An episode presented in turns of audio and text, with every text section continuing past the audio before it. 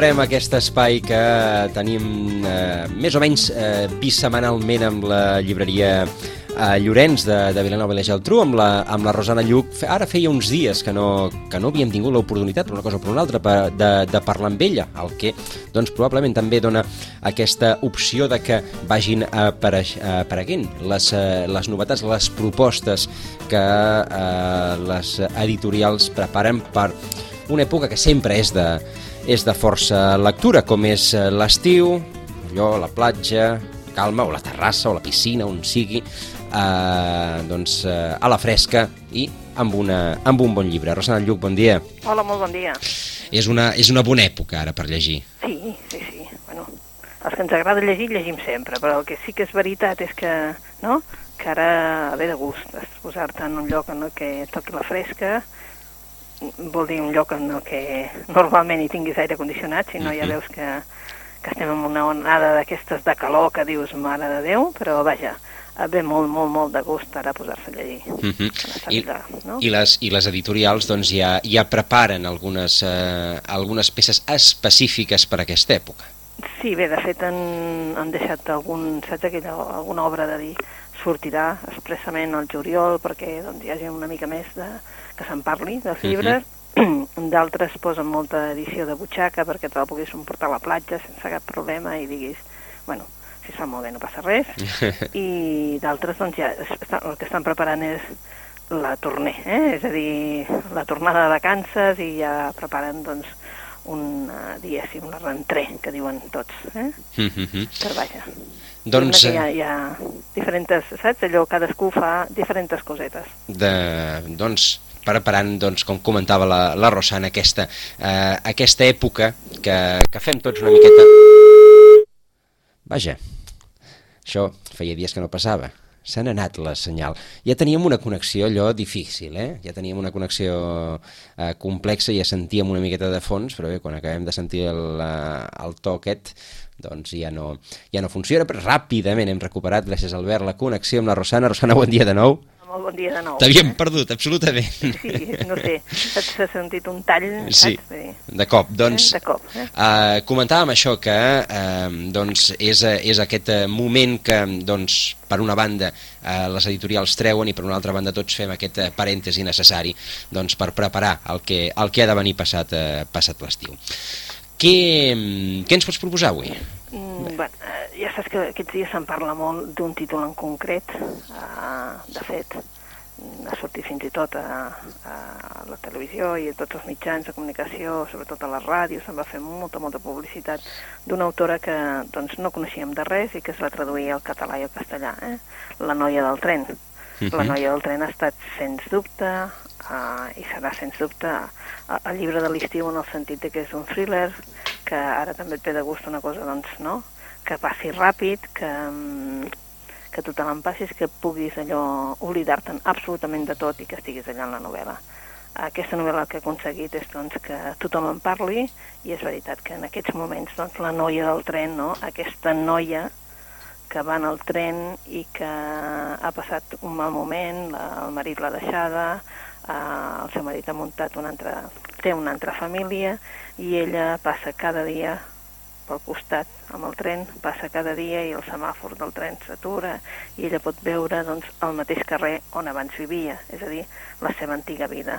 I allà hi veu una parella, una parella que ella s'imagina una vida i els hi dona fins i tot un nom en, aquests, en aquests, uh, aquesta parella uh, i a partir d'un moment donat doncs, la noia aquesta desapareix, la, la que ella veia i tal, i bé, és una novel·la que és un thriller, un thriller que, doncs, que mm, la veritat és que són d'aquells que no deixes de llegir, uh -huh. però mhm. que, que pensi la gent que no és ben bé una novel·la negra, sinó realment un thriller, eh? d'aquells que van...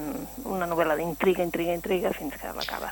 L'argument que ens has explicat ens ha recordat a la finestra indiscreta. Sí, una mica. Doncs, eh, la mateixa de la finestra, però uh -huh. el que passa és que, eh, clar, ella va al tren, eh?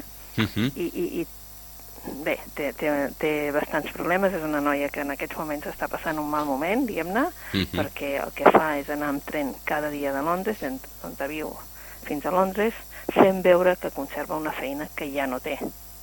I És per dir- tant, quan torna, perquè està vivint amb una amiga, quan torna fa veure que ha anat a la feina. És a dir, cada dia s'aixeca amb un ritual d'anar a agafar el mateix tren, etc etc, passa pel mateix lloc, però, en definitiva, ella no té feina. És a dir, que, saps? Fins que, bueno, totes les coses se li enreden i, pobra, penses, bueno, mare de Déu, tot se li enreda, eh? Però, esclar, mm, té un problema afegit i és que doncs, té un problema, diguem-ne, d'addicció. Eh? I llavors, clar, arriba un moment que tot se li enreda, tot està molt enredat, però sí que ella, doncs, de vegades, un no pot traspassar una línia i ella la traspassa. Uh -huh. La- L'autora, ens l'has dit? Paula Hawkins. Paula Hoggins. Paula Uh -huh. Hawkins, sí. S'ha traduït en, en català a La Campana i en castellà l'ha editada Planeta, La xica del tren. Eh? Vull Mhm. dir, i ja veus que posa un títol que diu tu no la coneixes, ella, tu, sí. vale? És a dir que sí. Una mica de finestra indiscreta, però des del tren. Eh? Des del tren. Des del tren. Doncs la, la noia del tren, la primera proposta, aquest thriller... Aquesta, eh, diguéssim, que és la, la, la proposta que veureu que surt en tots els diaris, eh? Vull dir que no...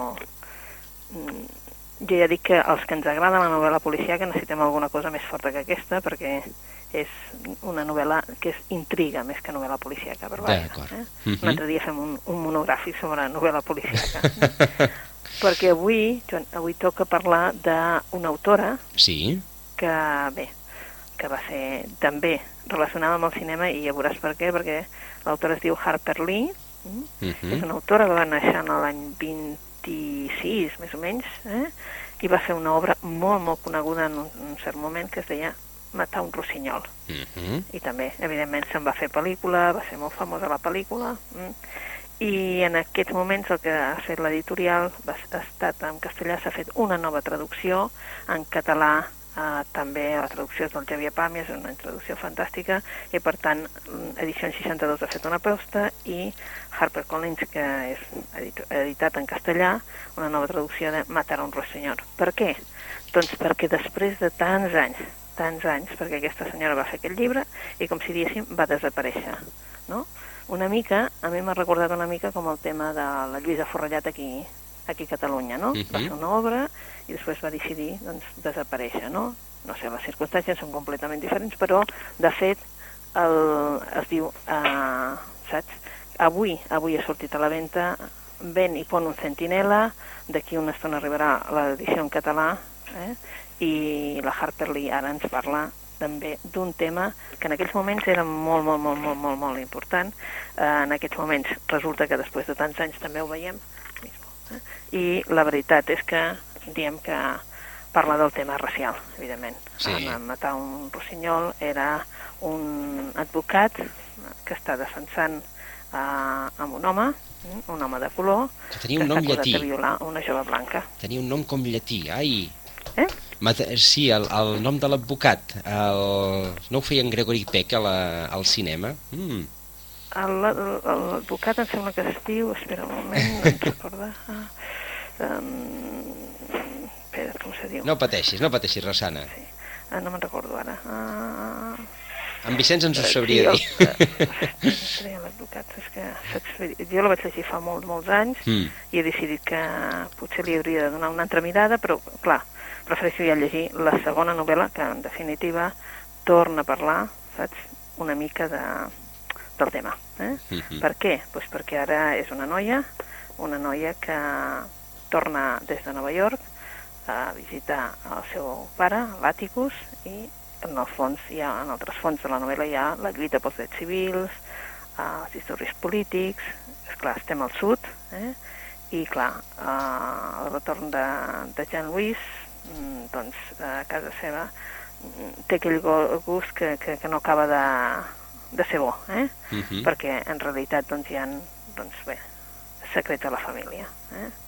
Bé, és una novel·la que suposo que també tindrà molt els mitjans de comunicació a sobre, perquè, és clar era una novel·la com a perduda, no? perquè era una novel·la que no s'havia publicat, però, esclar, aquesta senyora contem que és de l'any 26, per tant, mm, ja és molt gran, i ha decidit doncs, donar llum la seva segona novel·la. Bé, bé i pon una sentinela, o, i en català és... Eh, Com, com, eh, com l'has dita? Ve i pon un centinela. Ve i pon és un. Mica, el títol és una mica, saps? Mhm. vull dir, és una mica rara en el sentit de que ens costa fins i tot de dir, bueno, a veure, de què estem parlant? Doncs sí, es diu Ve i pon un sentinela i en, en català crec que es diu uh, Ve, ves i aposta un sentinela. Ves i aposta un sentinela. Sí, sí, eh? vull dir, Mm, d'aquí una estona arriba en català, vull dir, ara el que passa és que ens ha arribat primer en castellà per, per tema de transport, eh?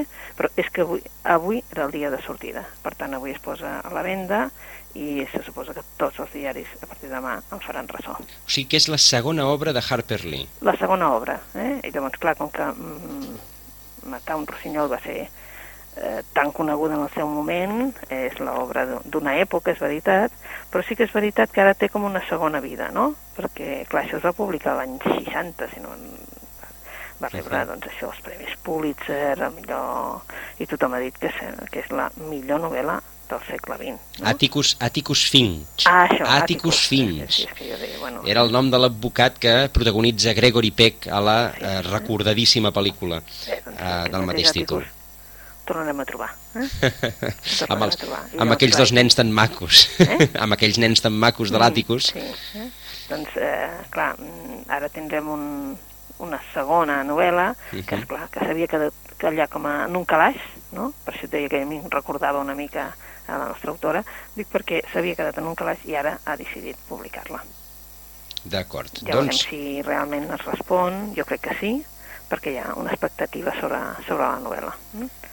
Déu nhi Harper Lee, per tant, la segona obra, sí. segona i, i eh, primera excel·lent, però només en va fer aquestes dues. Sí, sí, la segona, ve i pon un centinela o ves i aposta un sentinella, eh, eh, en català, la segona obra de, de Harper Lee, doncs, que és una altra de les propostes que ens porta avui la Rosana.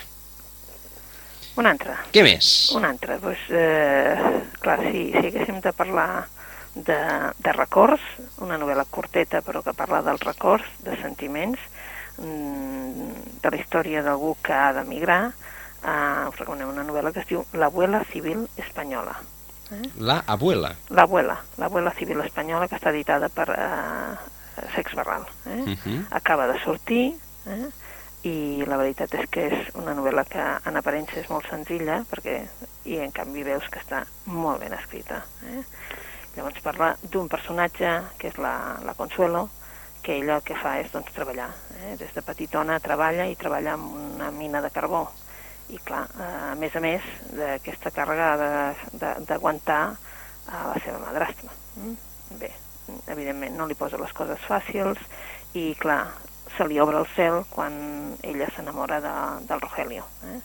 Tenen una filla, és aquella Espanya de postguerra, aquella Espanya fosca, aquella Espanya doncs, que doncs, eh, saps allò? Més valia fugir i ells fugen, fugen des d'allò fins a Barcelona. Uh -huh. i allà el que fan és embarcar-se embarcar-se amb un vaixell que els porta cap a Buenos Aires. És la memòria d'aquesta vida d'aquesta Consuelo i de, de la seva família doncs, marcada per aquesta experiència de, de dir bé, de desconcert, no? de venir d'un poble, marxar cap a, el, cap a l'incert, no? que seria Buenos Aires, i clar, una persona doncs, que amb molt pocs recursos, doncs, que havia treballat sempre, però que a més a més havia treballat en una mina de carbó, o sigui que diguéssim que estava molt acostumada a treballar el treball dur. Eh? Uh, I això són unes memòries, com si diéssim, que no són unes memòries, però són una novel·la escrita des de la veu de la neta, que és qui recupera la memòria de l'àvia i que, en definitiva, el que ha fet és recuperar la història familiar i fer-ne una novel·la. Una novel·la curta, una novel·la allò molt tendra, però alhora sense caure allò amb la llagrimeta. Eh? Uh mhm. -huh. I la veritat és que és una de les novel·les que us podem recomanar, però del tot, per aquest estiu. L'abuela civil espanyola, l'autor? L'abuela civil espanyola. Mm? L'autor? L'autora és Andrea Stefanoni. Eh? Uh -huh. És una noia que va néixer a Buenos Aires eh? i la veritat és que mm, allà també ha, ha dirigit fins i tot una editorial allà. Uh -huh. O sigui que està en el món de, de les lletres, per dir-ho d'alguna manera. D'acord, doncs l'Abuela Civil Espanyola d'Andrea Stefanoni és la tercera de les recomanacions d'avui de, la, de la Rosana. Una altra, una altra podria ser Algú, de l'Alice McDermott. Està uh Mhm. -huh. traduïda al català i al castellà, i aquest algú que um, diríem que parla de les coses senzilles, de les vides, diguéssim. Uh -huh. És de, en definitiva de la vida, d'aquells moments, doncs, que, petits moments que tens de felicitat, també de la tristesa, també d'aquelles petites alegries que pots tenir, i resulta que, bueno, per què se'n pot fer d'això una novel·la? Doncs pues sí, perquè són els, els records, els records, mm, en definitiva, una mica desordenats de la Marie Comfort, que és la protagonista de, de la novel·la, que def- és una noia que nascuda a Nova York, però la família és d'origen irlandès i viu en una escala en què doncs, hi ha diferents cultures, diguem-ne, no? Diferent gent que ha vingut de, de diferents llocs, eh? Uh -huh. i el que fa doncs, és aquesta infantesa, aquesta, des d'on ho veu ella al començament, doncs, eh, ella és una nena petitona i veu la seva veïna, una veïna doncs, poc agraciada, que bé, que voldria trobar nòvio, però ja veu que ho té difícil perquè doncs, eh, sempre va perdent les coses, o perd un guau, perd, va molt ben arreglada, però tot li penja, doncs, i llavors veu tot aquest petit univers de lo que seria l'edifici, que serien els seus records, o sigui, i també el seu primer amor, la maternitat, mm, fer una família, fins que arriba a gran. És, en definitiva, veure la vida de Brooklyn, no? d'un barri, amb aquestes escenes de, doncs, amb molta naturalitat i que fan que l'experiència de l'assistència sigui realment una experiència molt gratificant. Uh No? -huh. Mm, saps allò de dir, bé, de què parla la novel·la? Doncs parla de la vida, dels records d'una d'una noia, però en definitiva també és el record de tot un barri, de tota una sèrie de persones, de tot allò que conforma també les persones que formen el teu cercle. -huh. No tenen per què ser amics, però sí formen el teu cercle perquè són persones que estan dintre dels teus records. A Nova York hem quedat. A Nova York, sí, sí, Mhm. això és Nova York, eh? Algú de l'Alice McDermott, eh? Uh -huh. Aquesta senyora també, vull dir, és una senyora també de Nova York, eh? Uh, bueno, um, ha fet moltíssims llibres, potser nosaltres no en tenim publicats tants, però en definitiva ha guanyat quasi tots els premis que podia guanyar. O sigui que, el que passa que de vegades, doncs clar, són premis de, saps allò, National Book Award, el, el, és el, em sembla que l'ha guanyat com a tres vegades, eh? El Pulitzer, ha sigut finalista diverses vegades, vull dir, saps aquelles... És a dir, una garantia. Sona molt en el món literari, Mhm. però que potser cap a nosaltres no és tan coneguda. D'acord, doncs eh, algú de la Alice McDermott és una altra de les recomanacions. En portem quatre. Portem quatre, i si volem una... Em sembla que no n'hem parlat d'aquesta, si volem una novel·la d'aquestes també, de passar l'estiu, o sigui, de passar l'estona, d'estar entretinguts, d'arribar fins a l'última pàgina sense, sense voler res més que això, uh Mhm. -huh. El secret de Basalius, del Jordi Llobregat. El secret de, Basalius. de Basalius. Basalius, sí. Um, estem a una Barcelona que és la Barcelona uh, abans de l'exposició universal, el 1888.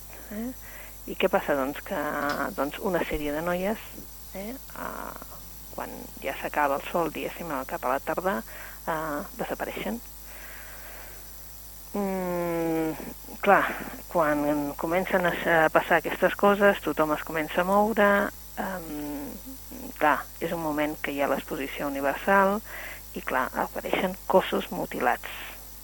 El que fa dir, clar, um, bé, eh, és com una maledicció, una maledicció que algun comissari li recorda un passat i, en definitiva, això ho volen una mica tapar, perquè no és el moment que això apareixi. Eh? Després també tenim un personatge que és el Daniel, el Daniel Amat, és un noi que està a Oxford, és professor allà, i l'avisen de que el seu pare ha mort en circumstàncies estranyes. I això, clar, eh, per deure familiar li toca tornar a Barcelona, l'obliga a plantejar-se el fet de que ha de tornar a Barcelona quan ell no volia posar els peus a Barcelona, llavors que hi ha una distància mm, no física, sinó que ha volgut posar una distància amb la família i, clar, eh, com que es veu obligat, doncs eh, haurà de tornar aquí i la veritat és que haurà de posar-se sota allò, a buscar qui ha estat l'assassí de, de, del seu pare, no? Um, tenim també un reporter, un reporter del Correu de Barcelona, que aquest el que vol és aconseguir la notícia del segle, o sigui, la notícia de que ell, no?, de que ell ha averiguat doncs, qui era, etc etc. I també tenim un estudiant, un estudiant de Medicina, que està acabant, que és el Pau Gilbert, que tots tres, aquests tres personatges, eh, l'estudiant de Medicina, el periodista i el David Amat, el que faran és juntar-se, són un trio que es juntaran per, per realment eh, veure de quina manera eh, investiguen què està passant, qui uh -huh. és aquest misteriós assassí, no? Ja, ja tens Barcelona, mmm, saps allò, secrets, traïcions, eh, finals del 19, mm, i res no és el que sembla. Eh? Mm. I clar, el passat sempre surt. I això és el secret de Basalius, eh? Uh -huh. ah. Una novel·la que dura exactament, segons els clients, 48 hores. D'acord. Vull dir que per aquell qui vulgui una novel·la ràpida, malgrat que, evidentment, té eh, bastantes pàgines, eh? vull dir, uh -huh. té més de 500, però sí que és veritat que és d'aquelles novel·les que t'asseus en un sofà i... I es consumeix ràpid. Uh, la, lo difícil és que t'agafin d'allà, eh? que et facin treure i que et facin anar a passejar. És una, és una època també força novel·lada, eh? aquesta de la, de la Barcelona de, del canvi sí. de segle. Sí, a més a més, eh, agraïda perquè uh -huh. el mhm. lector se sent com a molt, no? com a molt identificat. No, no per època, sinó perquè és un paisatge que reconeix. Ah, exacte, són referents. que pot trepitjar. Uh -huh. mm? I això és també, eh, de cara al lector, s'ha acostumat a que hi ha molta novel·la doncs, de, traduïda i amb noms de vegades impossibles, eh? I doncs els lectors sí que agraeixen doncs, no haver de fer ni l'esforç de recordar noms de personatges estranys eh? Mm -hmm. per ells, eh? perquè són, sobretot en novel·les, ens ho diuen molts lectors en novel·les doncs, de, de, del nord, no? Mm, sueques, finlandeses, clar, mm, els hi costa recordar els noms mm -hmm. comparat amb una Barcelona que pots trepitjar, que reconeixes, que saps què t'estan dient i on t'estan situant, no? Correcte. I tu t'hi sents a dintre. Doncs aquesta és la cinquena, el secret de Basalius de Jordi Llobregat. I encara tindrem temps per una sisena? Pues, si tenim temps per una sisena, um, jo recomanaria per, a, per a aquells que no l'han llegit, eh? perquè potser la van agafar. Jo reconec que és una novel·la que estem, estem recomanant als llibreters i es diu El lenguaje de los secretos uh -huh. i és un autor no gens conegut, es diu Martín Abrisqueta.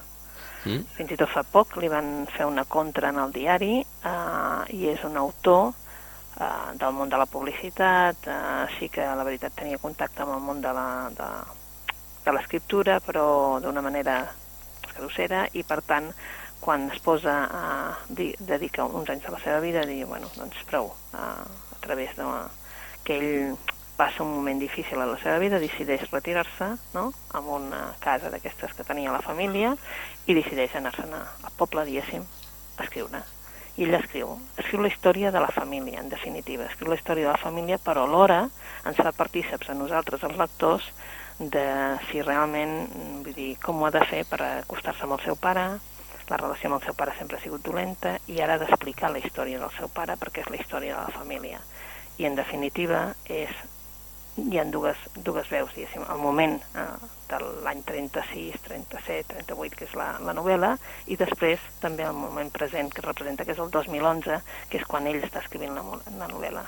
I que, clar, està en contacte amb els seus germans, dir-los si realment és correcte fer això, si no, si eh, com ha de demanar permís també amb els seus onclos, perquè també formen part de la novel·la, etc etc. no?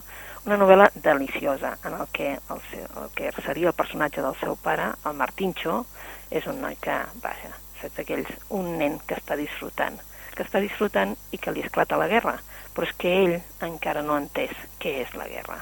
I per tant ho veu com a, també com una part del joc, de part de la vida, però s'ho realment, no com una cosa que el pot desfer, sinó realment com una cosa que és part del joc de, de tot el que està passant, no? De, la seva vida és eh, anar a l'escola, mm, portar les vaques a pastar, que li demana el seu pare, mm, els amics l'ajuden perquè si no les vaques sempre mm, se'n van, eh, i ell el que vol és jugar.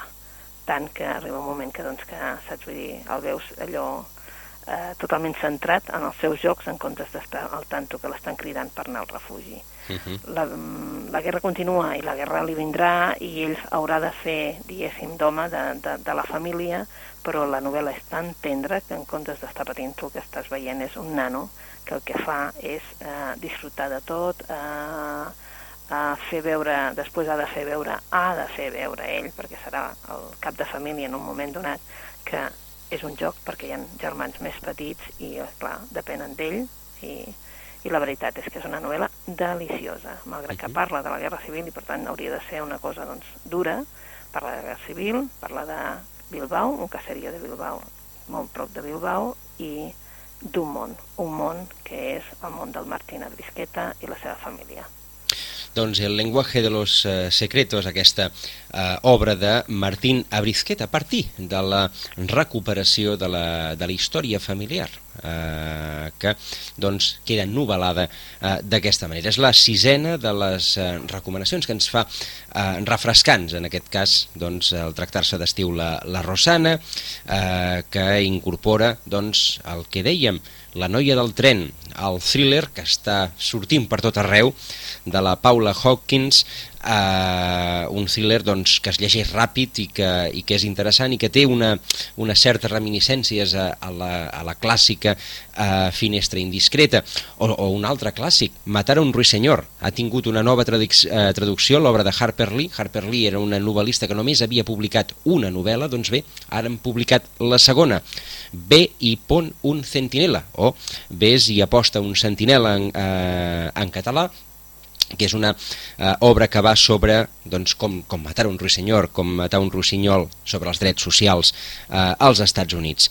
La tercera de les recomanacions, La abuela civil espanyola, d'Andrea Stefanoni, aquesta doncs, eh, peripècia que comença a les mines de Lleó, que va a Barcelona i que després acaba a Buenos Aires, eh, és argentina la seva, la seva autora.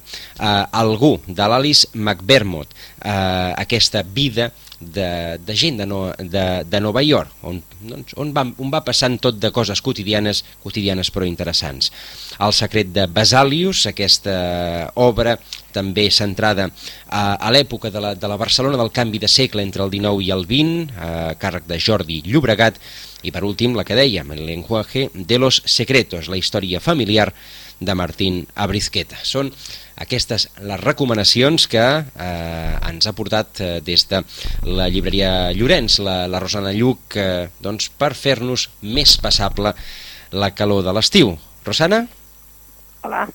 Doncs eh, moltíssimes, moltíssimes gràcies per haver-nos eh, fet aquestes recomanacions i a veure si doncs, la propera vegada que ens saludem no fa tanta calor i per tant no cal que estem sota l'aire condicionat per llegir. Exacte. Eh? Però en tot cas és un, és una bona època, la veritat, és per, per llegir, encara que sigui a les 11 de nit. Eh? Doncs uh, seguirem la, la recomanació. Rosana, fins, la, fins d'aquí 15 dies. Fins d'aquí 15 dies. Bona lectura.